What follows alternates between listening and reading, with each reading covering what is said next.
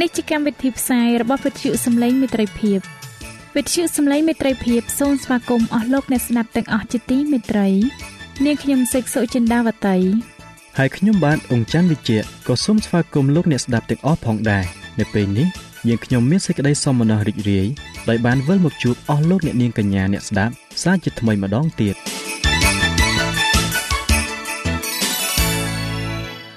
នាងខ្ញុំសេកសុចិន្តាវតី សូមជម្រាបជូនកម្មវិធីផ្សាយដែលមានជាបន្តបន្ទាប់ដូចតទៅនេតិជំហានទៅកាន់ព្រះគ្រីស្ទនេតិផ្លូវសម្រាប់ជីវិត ចា៎លោកអ្នកស្ដាប់ជាទីមេត្រី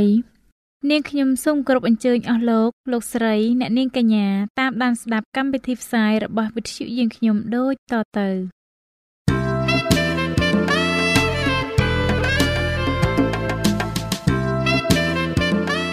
នីតិជំហានទៅកាន់ព្រះគ្រីស្ទ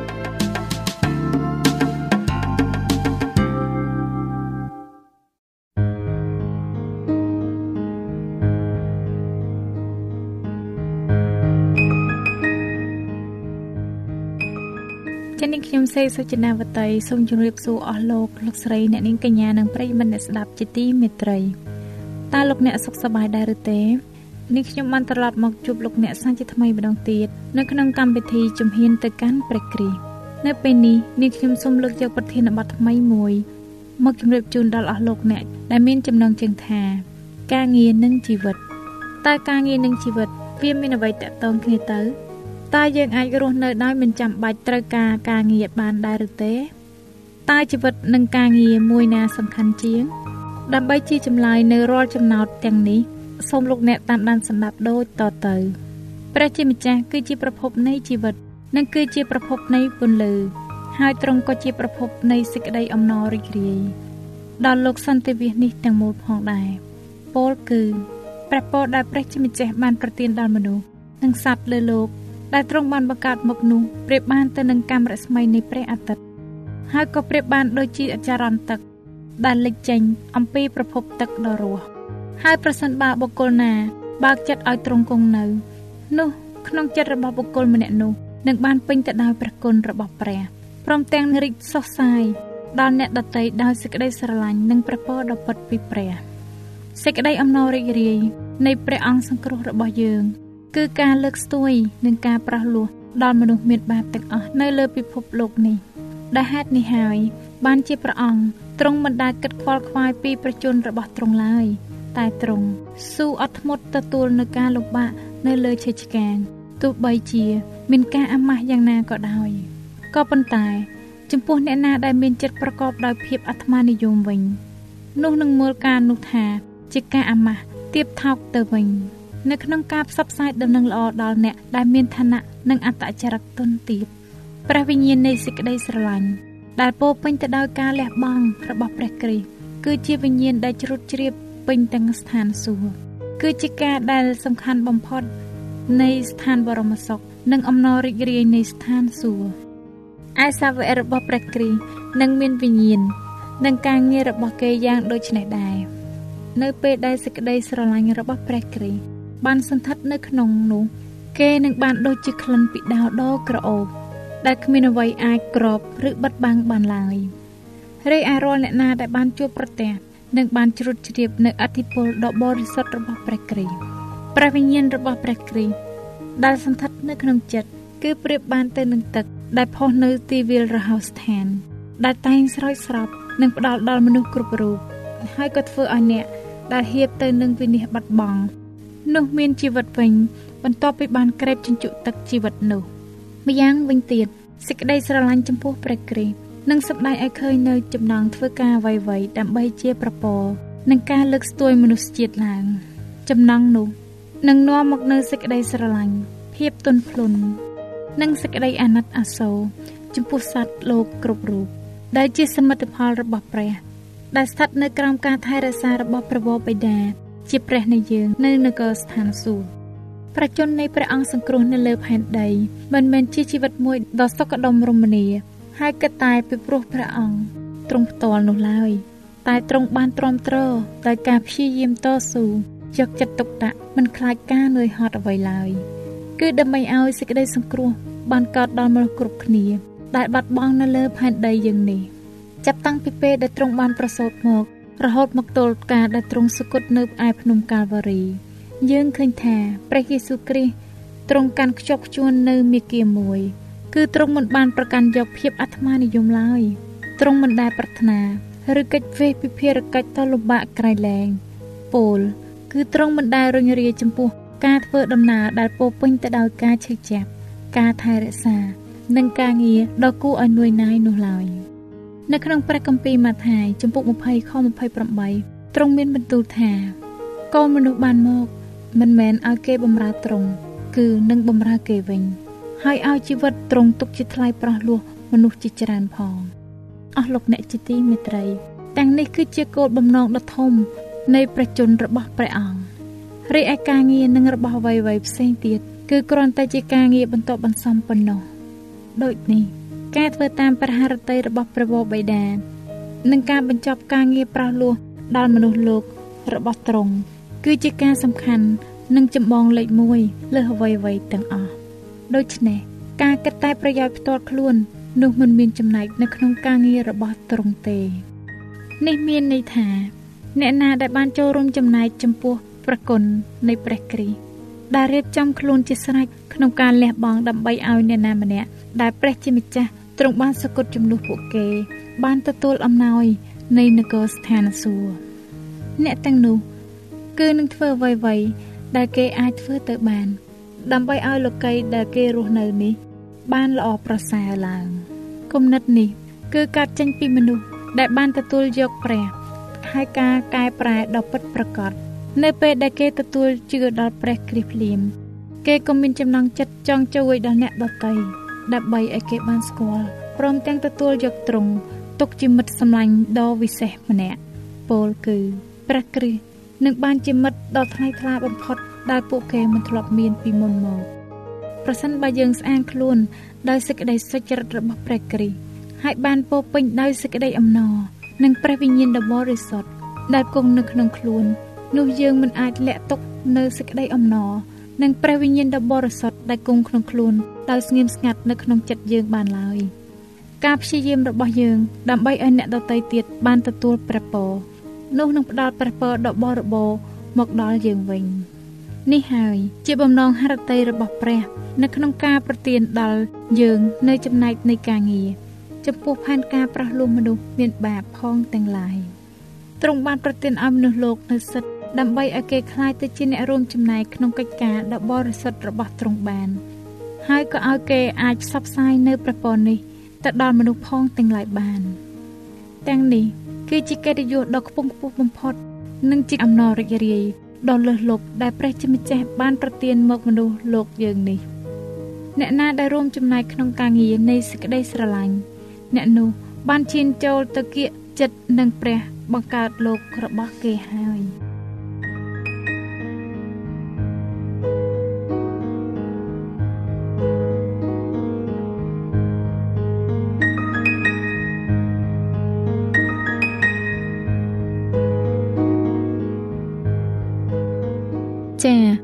ពេលវេលាមានកំណត់ យើងខ្ញុំសូមផ្អាកនេតិជំហានទៅកាន់ព្រះគ្រីស្ទនេះ ត្រឹមតែប៉ុណ្ណេះសិនចុះដោយសន្យាថានឹងលើកយកនេតិនេះមកជម្រាបជូនជាបន្តទៀតនៅថ្ងៃអង្គារសប្តាហ៍ក្រោយ សូមអរគុណ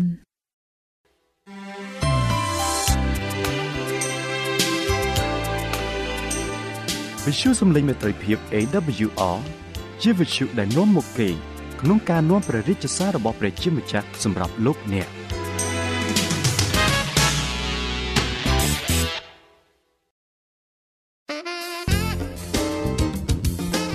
សូមជូននីតិផ្លូវសម្រាប់ជីវិត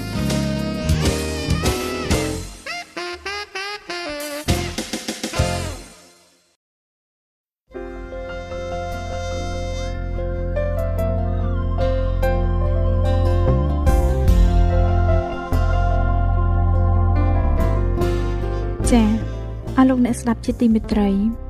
ជាបន្តទៅទៀតនេះនេះខ្ញុំសូមអញ្ជើញលោកអ្នកនាងតាមដានស្ដាប់នាទីផ្លូវសម្រាប់ជីវិត កាលពីមេរៀនទី21លោកអ្នកបានស្ដាប់រួចមកហើយអំពីថាតើស្ថានរុជាអ្វីហើយស្ថានរុនោះនៅឯណា ហើយនៅថ្ងៃនេះលោកអ្នកនឹងបានស្ដាប់ពីមេរៀនថ្មីមួយទៀតដែលមានចំណងជើងថាតើមានអ្វីកើតឡើង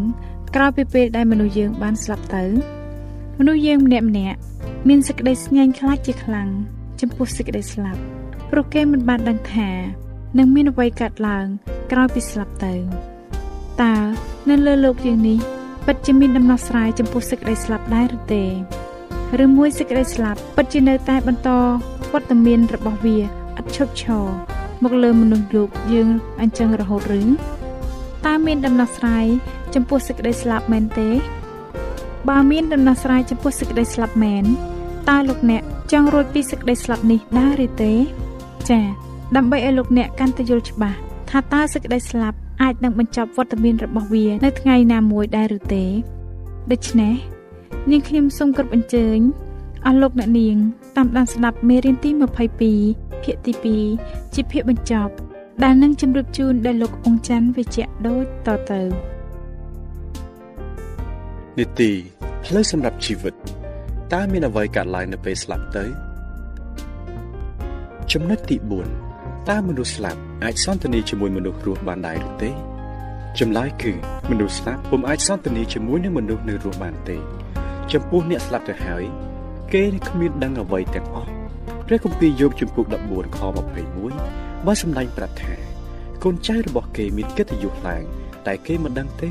វាត្រូវបន្ទាបចុះ តែគេមិនសម្គាល់ដឹងអ្វីសោះផងមនុស្សស្លាប់គ្មានចំណាយក្នុងកិច្ចការអ្វីឡើយ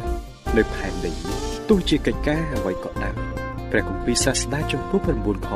6បើសម្ដែងប្រាប់យើងផងដែរថាគេក៏ឥតមានចំណែកណាក្នុងការអ្វីដែលធ្វើនៅក្រោមថ្ងៃជាដរាបតទៅមុខដែរព្រះអង្គម្ចាស់ទ្រង់ដាក់ទណ្ឌកម្មដល់ការលបងតាក់ទងជាមួយនឹងមនុស្សស្លាប់ចំណុចទី5វិញ្ញាណនិយម តើគេត្រូវបានទទួលការព្រមានដ៏តឹងរឹងយ៉ាងណាទល់នឹងការសាក់លបងសន្តានាជាមួយនឹងមនុស្សស្លាប់ព្រះគម្ពីរចោទយកថាចំពុក18ខ10រហូតដល់ខ12បានសម្ដែងប្រាប់ថា នៅក្នុងពួកឯងមិនត្រូវឲ្យឃើញមាននរណាមួយ ដែលធ្វើឲ្យឬគ្រូគុណគូនៅខត្តរិទ្ធគ្រូអង្គុយធွာគ្រូអាប់ធ្មប់គ្រូសន្ធាប់គ្រូខាប គ្រូគិថា ឬគ្រូអន្តងខ្មោចណាឡើយត្បិតអ្នកណាដែលប្រព្រឹត្តការទាំងនោះ ជាទីសោកខ្ពើមដល់ព្រះយេហូវ៉ាណាហើយព្រះគម្ពីរលេវីវិន័យជំពូក20ខ27ក៏បានបន្ថែមប្រាប់ថាមនុស្សប្រុសឬស្រីណាដែលធ្វើជាគ្រូខាបនោះត្រូវសម្លាប់ចោលជាគំខាននៅក្នុងសម័យកាលនៃព្រះគម្ពីរប៊ីបមានគ្រូខាបប្រលឹងដែលហៅថាគ្រូអាធ្មុកគ្រូខាបហើយនឹងគ្រូអន្តងខ្មោចហើយដែលបង្រៀនវិជ្ជាមុនគាថាឲ្យអាចចេះសន្ទនាជាមួយមនុស្សស្លាប់នេះជាគំនិតបោកប្រាស់មួយ របស់ពួកអរិយសាតាំងសូម្បីតែសពថ្ងៃនេះក៏មានយ៉ាងដូចនេះដែរឯចំពោះព្រះអង្គម្ចាស់វិញទ្រង់បានបញ្ជាក់យ៉ាងច្បាស់លាស់ណាស់ថាមនុស្សស្លាប់គឺពិតជាស្លាប់មែនថាពួកគេទាំងនោះគ្មានដឹងអ្វីសោះឡើយពួកគេទាំងនោះឥតបាននៅឯស្ថានសួគ៌ឬនៅក្នុងពិភពវិញ្ញាណណាមួយឡើយដោយសារគំនិតអាក្រក់នៃពួកអរិយសាតាំងប្រកបដោយគ្រោះថ្នាក់សម្បានយ៉ាងនេះទើបព្រះអង្គម្ចាស់ទ្រង់បានចេញបទបញ្ជាយ៉ាងម៉ឺងម៉ាត់ថាពួកគ្រូអាបធ្មប់ខាព្រលឹងទាំងឡាយ ត្រូវតែទទួលទោសដល់ស្លាប់ស្ដេចសូជាស្ដេចទី1នៃពួកអ៊ីស្រាអែលបានស្លាប់ក៏ព្រោះតែទ្រង់ពុំបានគោរពធ្វើតាមព្រះអង្គម្ចាស់ហើយសារលបងសន្តានាជាមួយមនុស្សស្លាប់តាមរយៈព្រលឹងអាបធ្មប់តែយើងអាចរកឃើញនៅក្នុងព្រះគម្ពីររបាខ្សត្រទី1ជំពូក10ខ13និងខ14ដូច្នេះបាននរណាម្នាក់មកបបួលជំរុញលោកអ្នកឲ្យទៅមើលការប្រជុំបញ្ជាន់អរិយលោកអ្នកមិនត្រូវទៅទេ ពាក្យសម្ដីទាំងឡាយដែលពួកគ្រូខាព្រលឹងនាំមកប្រាប់នោះគឺបានមកពីពួកទេវតាអាក្រក់នៃអរិយសាតាំងហើយមិនមែនមកពីមនុស្សស្លាប់នោះឡើយចំណុចទី6សេចក្តីសង្ឃឹមរបស់យើង ដែលជាការរស់ឡើងវិញ គឺជាការរស់ឡើងវិញ ការពិសោធន៍ក្នុងរឿងនេះបានមានកើតឡើងនៅក្នុងប្រទេសប៉ាឡេស្ទីនជិតទីក្រុងចាស់នៃយេរូសាឡឹមមនុស្សថ្លង់ដ៏ចាស់ម្នាក់បានស្រែកឡើងថាតើអ្នកអាចប្រាប់ខ្ញុំបានឬទេ ថាកន្លែងនេះជាកន្លែងអ្វីខ្ញុំកំពុងតែដើររេរាតែលតោក្រឡឹងជុំវិញទីក្រុងចាស់នេះហើយក៏បានទៅជួបវគ្គនឹងសញ្ញាមួយវគ្គនៅខាងក្រៅដាក់ថាសូមអញ្ជើញទាំងអស់គ្នាចូលទៅខាងក្នុងគឺជាថ្ងៃចុងក្រោយរបស់ខ្ញុំនៅយេរូសាឡឹមហើយខ្ញុំក៏បានត្រឡប់មកវិញជាលើកទី3ទៅកាន់សួនច្បារដ៏ស្ងាត់ជ្រងំនេះចំពីខាងក្រៅនៃខ្លោងទ្វារដាម៉ាគីសដោយសារសភាពបរោះដ៏ចាស់នោះថ្លង់ខ្លាំងពេក ខ្ញុំបានបញ្យល់គាត់ដោយការលំបាកបន្តិចមនុស្សជាច្រើនជឿថាភ្នូនៅទីកន្លែងនោះ ជាកន្លែងដែលព្រះយេស៊ូវគ្រីស្ទត្រូវបានគេបញ្ចុះពេលដែលភ្នូនេះត្រូវបានគេរកឃើញជាច្រើនឆ្នាំមកហើយគ្រប់ទាំងភ្នូទាំងអស់នោះនៅពុំទាន់ធ្វើហើយស្រេចនៅឡើយទេលើកលែងតែភ្នូមួយហើយភ្នូមួយនោះបានធ្វើរួចស្រេចហើយតែនៅទទេស្អាតខណៈដែលខ្ញុំបានបណ្ដែតអារម្មណ៍នៅក្នុងសួនច្បារសុភាពបរោះដ៏ចំណាស់មួយនោះក៏បានបាត់ខ្លួន លឹមចូលទៅក្នុងភ្នូនោះបាត់ទៅភ្លាមភ្លាមនោះស្រាប់តែគាត់បានមកឈរនៅក្បែរខ្ញុំជាថ្មីម្ដងទៀតហើយបាននិយាយដោយសំឡេងរអាក់រអួលថានេះឯងហើយជាទីកន្លែងដែលព្រះអម្ចាស់នៃយើងទ្រង់ត្រូវបានគេតម្កល់ទុកក្នុងទីនោះវាគួរឲ្យអស្ចារ្យណាស់ដែលបានមកកន្លែងមួយដូចជាកន្លែងនេះ បាទមែនហើយ គឺពិតជាអស្ចារ្យណាស់ក្រោយមកយើងក៏បានដើរទៅជាមួយគ្នាកាត់តាមសួនច្បារទៅត្រង់កន្លែងមួយដែលនៅទីនោះ យើងនឹងអាចមើលទៅឃើញទស្សនវិជ្ជានៃភ្នំរលាក្បាលនាពេលបច្ចុប្បន្នភ្នំដែលមានរាងដូចជារលាក្បាលនេះហាក់បីដូចជាមិនមែនជាកន្លែងដែលព្រះយេស៊ូវត្រូវបានព្យួរជាប់នឹងជ័យឆ្កាងនោះទេក៏ប៉ុន្តែទស្សនវិជ្ជានេះបានមើលពីសួនច្បារដ៏ស្ងាត់ជ្រងរំនោះមកឃើញមានភ្នំមួយដ៏ទទេស្អាតគឺវាហាក់ដូចជាទីប្រហោងក្នុងយើងមិនត្រូវបំរើព្រះអង្គសង្គ្រោះដែលសគត់ទៅហើយត្រូវតម្កល់ទុកនៅក្នុងភ្នំដ៏មានផ្សិតដោះពេញនោះទេត្បិតភ្នៅនៅទទេស្អាត ហើយព្រះអង្គសង្គ្រោះទ្រង់បានយាងមកនៅខាងមុខប្រកាសក្នុងសំឡេងត្រែដែលបន្លឺឡើងដោយតែមានចែកក្នុងព្រះគម្ពីរវិវរណៈជំពូក1ខ18ថាជាព្រះដ៏រស់នៅអញបានស្លាប់តែមើលអញរស់នៅអស់កលជានិច្ចរៀងតទៅវិញអញក៏មានកូនសោនៅសេចក្តីស្លាប់និងស្ថានឃុំព្រលឹងមនុស្សស្លាប់ដែរហើយគួរឲ្យអស្ចារ្យលើសពីអស្ចារ្យខ្លាំងណាស់ទៅទៀតដែលព្រះអង្គសង្គ្រោះទ្រង់មានប្រជញ្ញរស់នៅព្រមទាំងសន្យាចំពោះលោកអ្នកនិងខ្ញុំតាមរយៈព្រះគម្ពីរយូហានចំពុក14ខ19ថាដោយព្រោះខ្ញុំរស់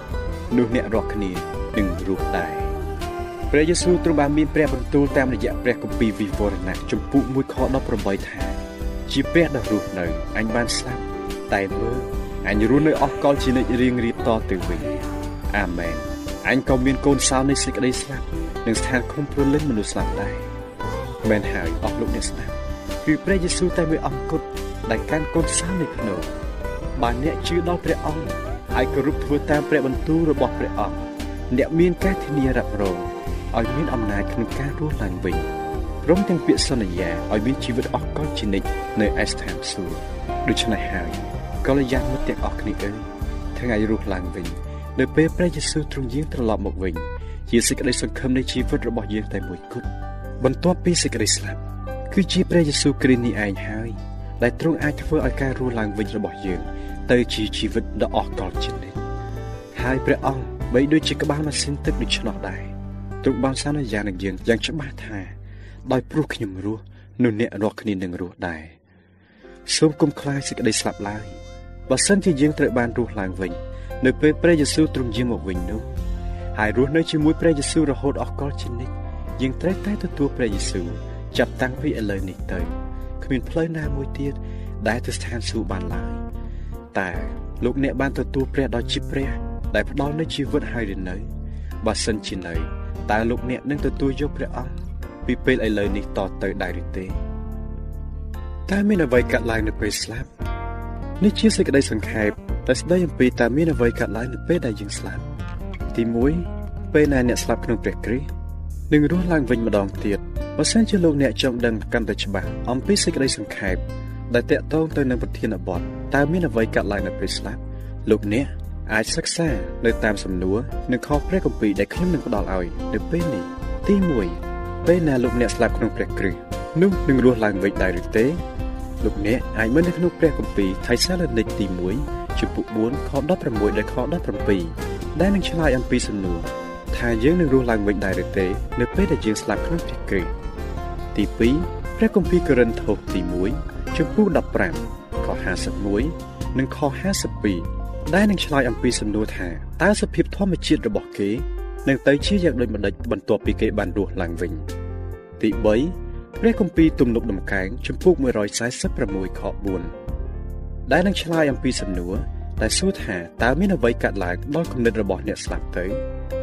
ទី4ព្រះគម្ពីរយូហានជំពូក11ខខ11រហូតដល់ខ13ដែលនឹងឆ្លើយអំពី ថាតើព្រះយេស៊ូវទ្រង់ប្រដូចសេចក្តីស្លាប់ទៅនឹងអ្វីចំណុចទី5ព្រះគម្ពីរសាស្តាជំពូក9ខ5និងខ6ដែលនឹងឆ្លើយតបអំពីសំណួរដែលសួរថាតើមនុស្សស្លាប់បានដឹងយ៉ាងដូចម្តេចខ្លះចំណុចទី6ព្រះគម្ពីរទំនុកដំកើងជំពូក115ខ17ជាចំណុចដែលឆ្លើយតប ទៅនឹងសំណួរដែលសួរថាតើមនុស្សស្លាប់ទាំងនោះអាចជាងសរសើរព្រះអង្គម្ចាស់បានដែរឬទេចំណុចទី7ព្រះគម្ពីរទំនុកដំកើងជំពូក6ខ5ជាខគម្ពីរដែលនឹងឆ្លើយតបទៅនឹងសំណួរដែលសួរថាតើមនុស្សស្លាប់នឹងចងចាំបានទាំងដូចម្តេចខ្លះចំណុចទី8ព្រះគម្ពីរអេសេគៀលជំពូក18ខ4ជាខគម្ពីរដែលនិយាយអំពីព្រលឹងនៃមនុស្សមានបាបនិងបានរង្វាន់អ្វីខ្លះ ចំណុចទី9ព្រះគម្ពីរលោកុបាទជំពូក2ខ7ជាខគម្ពីរដែលបង្ហាញថាអ្វីទៅដែលជាព្រលឹងហើយចំណុចទី10ព្រះគម្ពីរយូហានទី1ជំពូក5ខ12ជាខគម្ពីរដែលអាចបង្ហាញអំពីអាចកំបាំងនៃការមានជីវិតអស់កលជានិច្ចថានឹងមានសភាពយ៉ាងដូចម្តេចសូមអរគុណលោកអ្នកដែលបានស្ដាប់សូមឲ្យព្រះប្រទានពរដល់អស់លោកអ្នកស្ដាប់ទាំងអស់គ្នា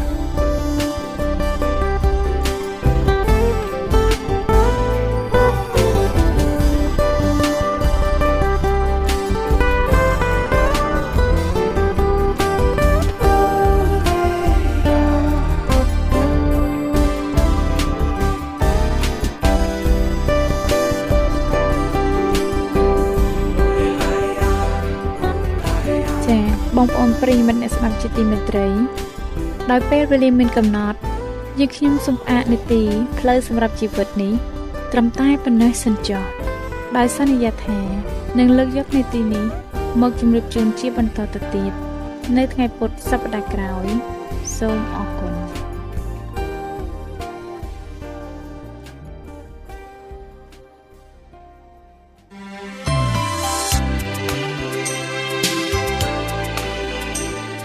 វិទ្យុសំឡេងមេត្រីភាព AWR មានផ្សាយពីរដងក្នុងមួយថ្ងៃ គឺព្រឹកនៅម៉ោង6និងពេលយប់នៅម៉ោង8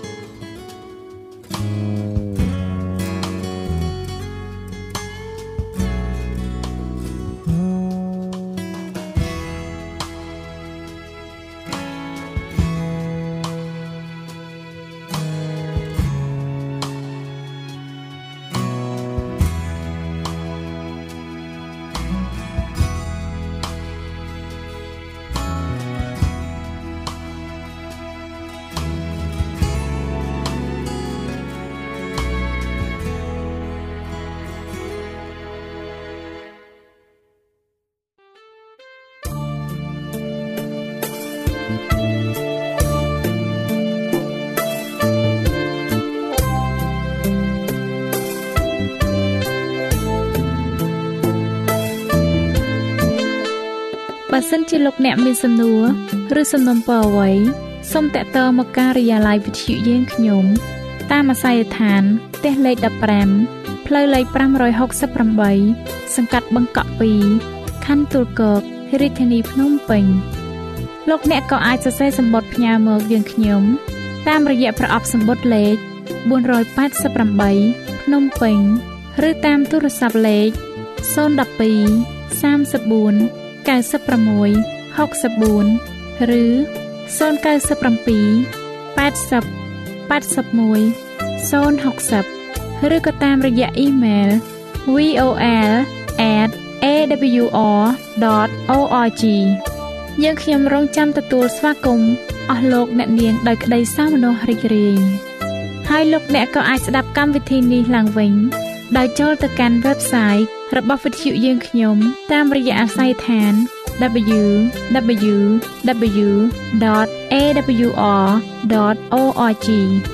លោកអ្នកនាងកញ្ញាជាទីមេត្រី កម្មវិធីផ្សាយរបស់វិទ្យុសំឡេងមេត្រីភាពនៅពេលនេះសូមបញ្ចប់តែប៉ុណ្ណេះយើងខ្ញុំសូមអរគុណចំពោះការតាមដានស្ដាប់របស់អស់លោកអ្នកតាំងពីដើមរហូតដល់ចប់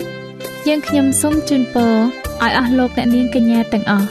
បានចម្រើនឡើងក្នុងព្រះគុណព្រះអង្គម្ចាស់ ហើយក្នុងការទទួលយកព្រះយេស៊ូវគ្រីស្ទជាព្រះអង្គម្ចាស់និងជាព្រះអង្គសង្គ្រោះនៃយើងរាល់គ្នានាទីផ្សាយរបស់វិទ្យុយើងខ្ញុំនឹងវិលមកជួបអស់លោកអ្នកសាជាថ្មីម្ដងទៀតនៅថ្ងៃស្អែកវេលាម៉ោងដដែលនាងខ្ញុំសេកសុចិន្តាវតីនិងខ្ញុំបាទអ៊ំច័ន្ទវិជ្ជៈសូមអរគុណ